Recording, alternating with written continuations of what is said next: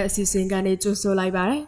2022ခုနှစ်မဲလ9ရက်နေ့ဒီကနေ့ကျမတို့တင်ဆက်မယ့်အစီအစဉ်မှာတော့ပရိသတ်တွေစိတ်ဝင်စားပွဲမွန်ပြည်နယ်တွင်ပြည်တွင်းတွင်တွေနဲ့အာဆီယံတွင်သတင်းပိတ်ပုတ်ချက်ပြည်သူတွေသိထားတဲ့နေ့စဉ်ကုန်စင်တော်သတင်းအချို့ကိုအစီအစဉ်ပထမပိုင်းမှာရွေးချယ်တင်ပြသွားမှာဖြစ်ပါတယ်။ဒါအပြင်အခြားဖွဲ့စည်းတွေမှာတာဝန်ယူထားတဲ့ပါတီဝင်တွေဟာရခိုင်အမျိုးသားပါတီ ANP နဲ့သက်ဆိုင်ခြင်းမရှိဘူးဆိုပြီးပါတီဥက္ကဋ္ဌပြောဆိုတဲ့သတင်းပေးပို့ချက်ကိုတင်ဆက်ပေးမှာပါ။ ဟုတ်ကဲ့ဒီကနေ့စီစဉ်မှုကတော့ကျမမီ iBlog ကတာဝန်ယူသွားမှာဖြစ်ပြီးကျမနဲ့အတူကိုခန့်မြတ်သူကသတင်းတွေကိုကူညီဖတ်ကြားပေးသွားမှာဖြစ်ပါတယ်။နားဆင်ကြတဲ့ပရိသတ်တွေအားလုံးကိုမင်္ဂလာပါလို့နှုတ်ခွန်းဆက်သပါရစေ။ကျွန်တော်ခန့်မြတ်သူကမီ iBlog နဲ့အတူသတင်းတွေကိုကူညီပြီးတော့ဖတ်ကြားပေးသွားမှာပါ။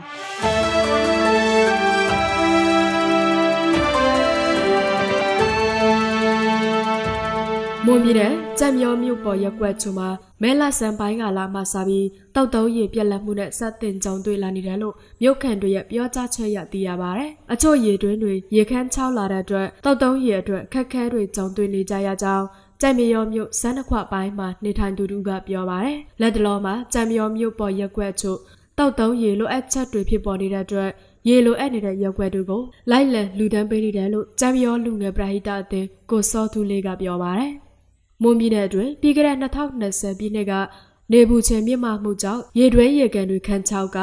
တောက်တောင်းရေရှားပါပြက်လက်မှုတွေနဲ့ကြောင်တွေ့ခဲ့ရပြီးမော်လမြိုင်ကြိုက်မရောချောင်းဆောင်နဲ့ဘောင်မြို့နယ်တို့တွင်တောက်တောင်းရေပြက်လက်မှုဆွဆွဝဝဖြစ်ပေါ်ခဲ့တယ်လို့သိရပါတယ်ကျိုက်ထုံမြို့နယ်အတွင်းကဆန်တော်ရှင်ကြိုက်တီယိုဇေဒီတော်ကြီးရဲ့ကြောက်လုံးတော်ကြီးကိုလုံးတော်ပြည့်ရွှေသင်္ကန်းကတ်လူပူဇော်ပြီးတဲ့အတွက်လာမယ့်တပေါင်းလာပြည့်နေ့မှာအလူရေဆက်ချပွဲနဲ့စွမ်းလန်းစိန်လောင်းလူပူဇော်ပွဲကိုပြုလုပ်သွားမှာဖြစ်တယ်လို့ဘန်နော်ရင်းဂောဘကအဖွဲ့ကနေသိရပါတယ်။ ကြက်တီယိုစိတော်မြတ်ရဲ့ကြောက်လုံးတော်ကြီးကိုပညာရှင်တွေနဲ့လုံးတော်ပြည့်ရွှေသင်္ကန်းကတ်လူပူဇော်မှုပြီးစီးသွားတဲ့အတွက်ပြီးခဲ့တဲ့ရက်ပိုင်းကစပြီးဇေတော်မြတ်ကြီးမှာတက်ဆင်ထားတဲ့ညံတွေဖြုတ်သိမ်းပြီးစီးပြီလို့သိရပါတယ်။လက်ရှိမှာ COVID-19 ကူးစက်ရောဂါအခြေအနေနဲ့နိုင်ငံရေးအခြေအနေတွေကြောင့်ဆနရှင်ကြိုက်ရီယိုဇေဒီတော်ကိုလာရောက်ဖူးမြော်သူတွေနေပါနေစနေတနင်္ဂနွေနေ့မှာအများပြည်သူရုံးပိတ်ရက်မှာလာရောက်ဖူးမြော်သူတွေများတယ်လို့သိရပါတယ်။ဂျာဒီယိုစီတော်မြတ်ကြီးရဲ့ဗုဒ္ဓပူဇီနီယပွဲတော်ကြီးကိုနှစ်စဉ်တရင်ကျွလာပင်းနေ့ကနေကဆုံလာပင်းနေ့အထိကျင်းပလေ့ရှိပြီး ပုံမှန်ကာလမှာနှစ်စဉ်ဖျားဘူး၃နှန်းခန့်လာရောက်လေ့ရှိတယ်လို့သိရပါတယ်။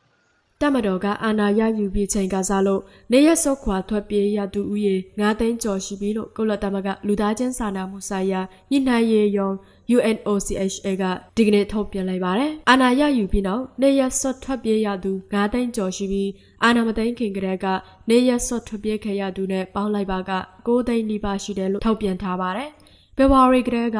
ရှမ်းပြည်နယ်မြောက်ပိုင်းဟိုဘန်ကုတ်ခိုင်လာရှိုးနဲ့မူဆယ်ရှမ်းပြည်နယ်တောင်ပိုင်းရက်စောက်လက်ချာလွှိုင်လင်းနဲ့မောင်မယ်မြို့နယ်တို့မှာနာဆာကတန်နဲ့တိုင်းသားလက်နက်ကင်ဖွဲတွေပြင်တိုင်းသားလက်နက်ကင်ချင်းကြားတိုက်ပွဲတွေဖြစ်ပွားခဲ့ရာလူဦးရေ2000ကျော်နဲ့မြို့နယ်ခုနှစ်ခုမှာအိုးအိမ်ဆုတ်ခွာထွက်ပြေးခဲ့ရပါတယ်။ဖေဖော်ဝါရီလထဲမှာပဲမြို့နယ်6ခုမှာတိုက်ပွဲရှောင်ထွက်ပြေးလာကြတဲ့2000ကျော်ဟာ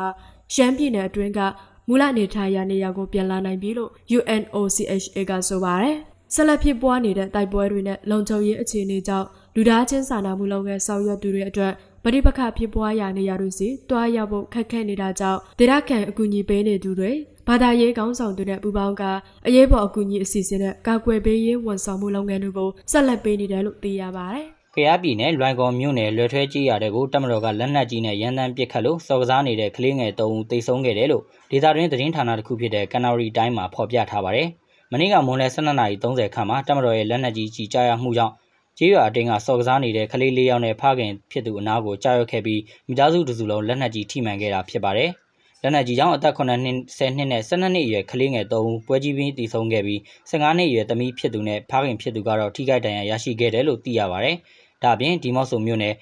ဆောင်းဒူလာကျေးရွာကိုလည်းလေရင်နဲ့ဘုံကျဲတိုက်ခတ်ခဲ့တယ်လို့သိရပါတယ်။ အာဆီယံအထူးကိုယ်စားလှယ်ကိုကူညီဖို့ဆဆကာဝါကိုကမ္ဘောဒီးယားဝန်ကြီးချုပ်ပြောကြားခဲ့တယ်လို့သိရပါတယ်။ကမ္ဘောဒီးယားဝန်ကြီးချုပ်ဟွန်ဆန်ကသူ့နိုင်ငံရဲ့နိုင်ငံခြားရေးဝန်ကြီးလက်ဖြစ်အာဆီယံအထူးကိုယ်စားလှယ်လက်ဖြစ်တဲ့ Preston Hon နဲ့ဆက်လက်လက်တွဲလှုပ်ဆောင်ဖို့ဂျပန် Nippon Foundation ဥက္ကဋ္ဌယိုဟီဆဆကာဝါကိုပြောဆိုလိုက်ပါတယ်။ကမ္ဘောဒီးယားနိုင်ငံဖနွမ်ပင်မြို့တော်မှာရှိတဲ့နန်းတော်ထဲမှာပြီးခဲ့တဲ့ရက်ပိုင်းက ဟွန်ဆန်နဲ့ Nippon Foundation ဥက္ကဋ္ဌဆဆကာဝါတို့တွေ့ဆုံစဉ်မှာအဲဒီလိုပြောလိုက်တာဖြစ်တယ်လို့ဟွန်ဆန်ရဲ့လူမှုကွန်ရက် Facebook မှာဖော်ပြထားပါတယ်။ဟွန်ဆန်ရဲ့ဇန်နဝါရီလအတွင်းကမြန်မာနိုင်ငံတွားတဲ့ခရီးစဉ်ကိုဆဆကာဝါကထောက်ခံခဲ့ပြီးဒါဟာမြန်မာပြည်သူတွေအတွက်မဟာအခွင့်အလမ်းဖြစ်တယ်လို့လည်းပြောတယ်လို့ရေးသားထားပါတယ်။ သူ့ရဲ့ခရီးစဉ်ဟာမြန်မာနိုင်ငံမှာဒီမိုကရေစီပြန်လည်ထွန်းကားရေးလူသားချင်းစာနာတဲ့အကူအညီတွေပေးအပ်နိုင်ရေးတဲ့ကြမ်းပတ်မှုတွေရပ်ဆိုင်ရေးအတွက်ရည်ရွယ်ခဲ့တာဖြစ်တယ်လို့လည်းဆိုပါတယ်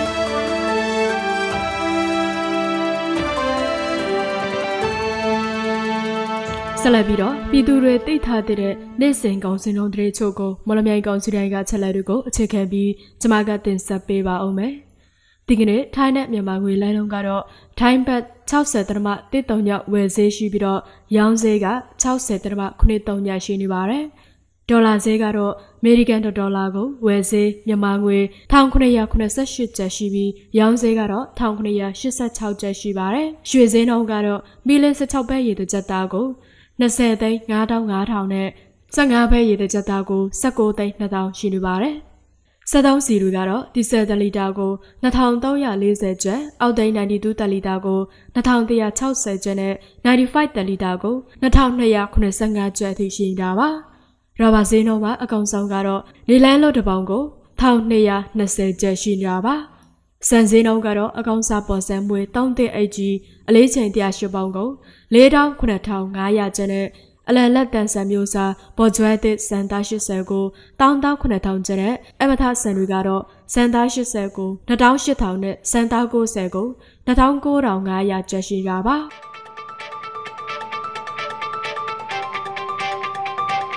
ကျွန်တော်တို့ရဲ့မွန်လိုင်းမြန်မာပေါ့ကတ်မြန်မာဘာသာအစီအစဉ်ကိုအားပေးနာတော်တာဆင်ကြတဲ့ပရိသတ်များခင်ဗျာ ကျွန်တော်တို့အတန်လွင့်အစီအစဉ်ကားနေပြီးတော့မွန်ပြည်နယ်မှာဖြစ်ပျက်နေတဲ့သတင်းတွေပြည်တွင်းငြိမ်းချမ်းရေးဖြစ်စဉ်တွေအပြင်မြန်မာနိုင်ငံသတင်းအာဆီယံသတင်းတွေကိုအပတ်စဉ်တနင်္လာအင်္ဂါဗုဒ္ဓဟူးနဲ့ကြာသပတေးနေ့တွေမှာည9:00နာရီအချိန်မှာ Mon New Agency Facebook စာမျက်နှာမှာဝင်ရောက်နားဆင်နိုင်သလို Monline မြန်မာ Podcast စာမျက်နှာမှာလည်းဝင်ရောက်နားဆင်နိုင်ပါပြီ။အားပေးကြတဲ့ပရိသတ်အားလုံးကိုကျေးဇူးတင်ပါတယ်ခင်ဗျာ။ အခုတင်ဆက်ပေးတော့ခဲ့တာကမက်စလ9ရက်နေ့မှာဖြစ်ပျက်ခဲ့တဲ့မွန်ပြည်နယ်တွင်ပြည်တွင်းသတင်းနဲ့အာဆီယံသတင်းတွေအပြင်တနိဒာစီစေးငွေစေးနဲ့ကုန်စည်နှုန်းတွေကိုတင်ဆက်ပေးတော့ခဲ့တာဖြစ်ပါတယ်။ဆက်လက်ပြီးတော့အခြားဖွဲ့စည်းတွေမှာတာဝန်ယူထားတဲ့ပါတီဝင်တွေဟာရခိုင်အမျိုးသားပါတီ ANP နဲ့တက်ဆိုင်ခြင်းမရှိဘူးဆိုပြီးပါတီဥက္ကဋ္ဌပြောဆိုတဲ့သတင်းပေးပို့ချက်ကိုတော်တာကတင်ဆက်ပေးသွားမှာပါ။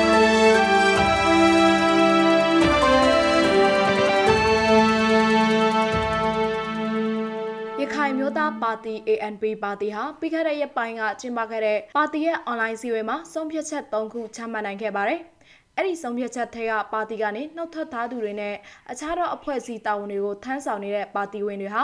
ANP ပါတီနဲ့မသက်ဆိုင်ဘူးလို့ဥက္ကဋ္ဌဦးတာထွန်းလှကပြောပါတယ်။ဒီဆုံးဖြတ်ချက်နှစ်ကြရင်ဤကဲ့သို့နှုတ်ထွက်ထားသူများနဲ့ပါတီတာဝန်ကိုထမ်းဆောင်နိုင်မှုမရှိတော့ပဲတခြားအဖွဲ့အစည်း တာဝန်များကိုထမ်းဆောင်နေကြသည့်ပါတီဝင်များအားလည်းမိမိတို့ရခိုင်မျိုးသားပါတီနှင့်တစုံတရာသက်ဆိုင်မှုမရှိတော့ပါကြောင်းမျက်ယူဆုံးဖြတ်သည်ဆိုပြီးဒါဆုံးဖြတ်ချက်နည်းနဲ့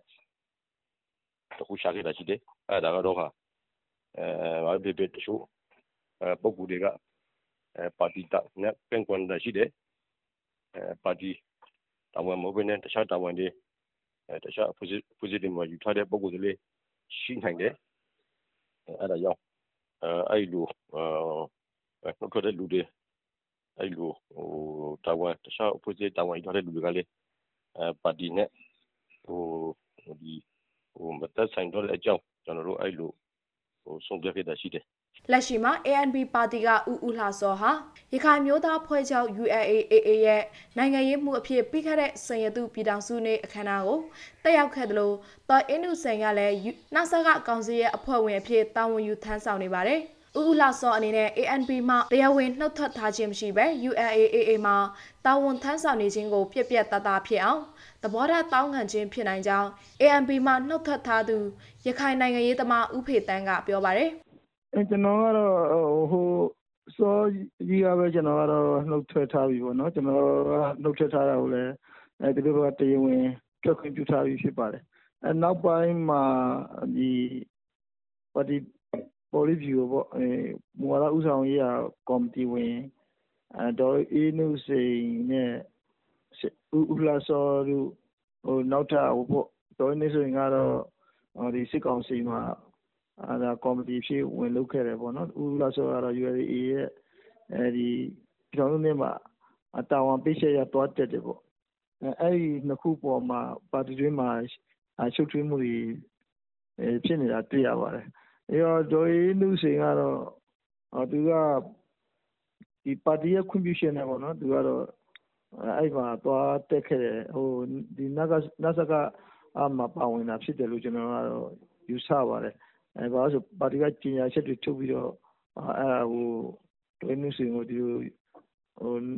နတ်စက က ရွေးတဲ့အတွက် ဝမ်းသာပါတယ် ကြိုးဆိုပါတယ် ဆိုတာတွေ ထုတ်ခဲ့ရဆိုတော့အဲဒါ ပါတီရဲ့ ကိုစားဖြစ်ဖို့ဖြစ်တယ်လို့ ကျွန်တော်ယူဆပါတယ် အဲတော့ ဆရာဦးလာစောကတော့ဟောဒါဒါပါတီရဲ့ ခွင့်ပြုချက်အဲလာရှိမရှိလို့ထင်ပါတယ် သူတို့ကအဲ့ဒီကိစ္စနဲ့ ပတ်သက်ပြီးတော့ နည်းနည်း အသာနေထွက်လာတာပေါ့နော်အဲဒါကြောင့်လည်းပဲ ဒီလိုဟို ပါတီနဲ့ကင်းကွာပြီးတော့တစ်ဖက်ဖွဲ့စည်းမှာလုံနေတဲ့လူတွေကိုသူတို့ကပြတ်ပြတ်သားသားဖြစ်အောင်ပေါ့နော်အဲပါတီမှာလူရှင်စိတ်ရှိမရှိအဲ့လိုတောင်းခံတဲ့သဘောလို့ကျွန်တော်မြင်ပါတယ်ဗျဟုတ်ကဲ့ ANP ပါတီကြီးကဲတူဖြစ်တဲ့ဦးဦးလှစောနေတဲ့ ULAAA ကိုစားပြုတော်ရောက်ခြင်းကဥပဒေနဲ့ညှိစွန်းနေသလိုနှာဆက်ခကောင်စီနဲ့ ULAAA တို့ကြားမှာပြည်ထနာတစုံတရာဖြစ်လာပါက ANP အပေါ်တက်ရောက်မှုရှိလာနိုင်တယ်လို့ဥပေတန်းကဆိုပါတယ်။ ANP ပါတီဝင်တွေဟာမိမိတို့စံသားအလျောက်ပါတီကနှုတ်ထွက်ခွင့်ရှိသလိုမိမိကြိုက်နှစ်သက်ရာဖွဲ့စည်းသွင်းဝေးရောက်နိုင်တယ်လို့ဦးတာထွန်လာကပြောပါတယ်။ခိုင်မြို့သောပါတီပါတီဝင်မြက်ဒီလက်ရှိအခြေအနေတွင်မိမိဆန္ဒအလျောက်ပါတီဝင်အဖြစ်မှနောက်ထွက်ခွင့်ရှိတယ်လို့မိမိကြိုက်တဲ့တရားအဖွဲ့အစည်းတွေအဖွဲ့အစည်းတို့မဟုတ်ပါတီများတို့လေဥပြောင်းဝင်ရောက်ခွင့်ရှိပြီလို့ကျွန်တော်တို့အဲ့လို ဟိုဆုံးဖြတ်ချက်ချမှတ်ခဲ့တယ်အဲ့ဒါကတော့အဓိကတော့ဒီအိမ်ကဆိုရင်အဲပါတီကနှုတ်ထွက်မယ်ဆိုရင်ပါတီဝင်တွေကိုပါတီမှာရှင်းလင်းကြရှိတာကိုရှင်းလင်းရမယ်အဲဘိုးလုံးမဆောင်ဖွဲ့ကသဘောတူညီမှုရှိရမယ်ဆိုတဲ့ပါတီဖွဲ့စည်းပုံရဲ့မှာပါတဲ့ဟိုစင်းမြင့်စကန်တွေရှိတယ်အခုရှိမှာကအဲ့လိုစင်းမြင့်စကန်နဲ့အတိအကျဟိုလုံးလို့ရနိုင်တဲ့အရှိန်မျိုးမရှိဘူး အဲအဲ့ဒါကြောင့်အဲ့လိုဟိုအခက်အခဲတွေရှိတော့အဲ့ကြောင့်ပါတီကနှုတ်ထွက်မဲ့လူတွေကိုဟိုနှုတ်ထွက်ခွင့်ရအောင်လို့ကျွန်တော်တို့အဲ့လိုဆုံးဖြတ်ခဲ့တာဖြစ်တယ်2019ခုနှစ်ကကျင်းပခဲ့တဲ့ပါတီညီလာခံကနေတာဝန်ပေးချက်အရထမ်းဆောင်နေကြတဲ့ပါတီဝင်တွေဟာပါတီနိုင်ငံရေးကိုစက်ဝင်စားမှုအားနည်းနိုင်လို့ အလောက်ကင်ခွေလန်မိသားစုစာဝတ်နေရေးအခြေအနေတည်းရဲ့ကြောင့်ပါတီတာဝန်တွေကိုထမ်းဆောင်လိုခြင်းရှိမရှိသဘောထားတွေကိုမေးမြန်းထားတယ်လို့ဦးတာထွန်းလှကပြောပါရယ် ANP ပါတီဟာ2015နဲ့2020ရွေးကောက်ပွဲတုန်းကရခိုင်ပြည်နယ်မှာပါတီနေရာအများစုအနိုင်ရခဲ့တဲ့အင်အားကြီးပါတီတွေဖြစ်ပါတယ်